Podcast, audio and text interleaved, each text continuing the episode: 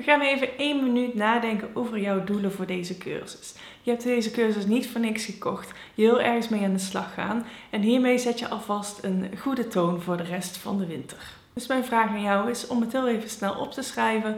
Wat is jouw persoonlijk ontwikkelingsdoel voor deze cursus? En probeer het iets specifieker te maken dan mijn winterdip voorkomen. We gaan die doelen ook later in de modules nog wat verder aanscherpen.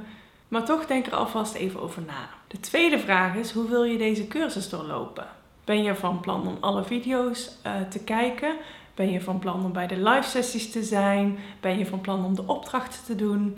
En het is ook goed om alvast even na te denken wat je wil en hoe je daar uh, hoe je dat gaat doen. Dus misschien moet je er tijd voor vrijmaken. Of misschien moet je herinneringen voor jezelf uh, instellen, zodat je het niet vergeet. Het is helemaal jou.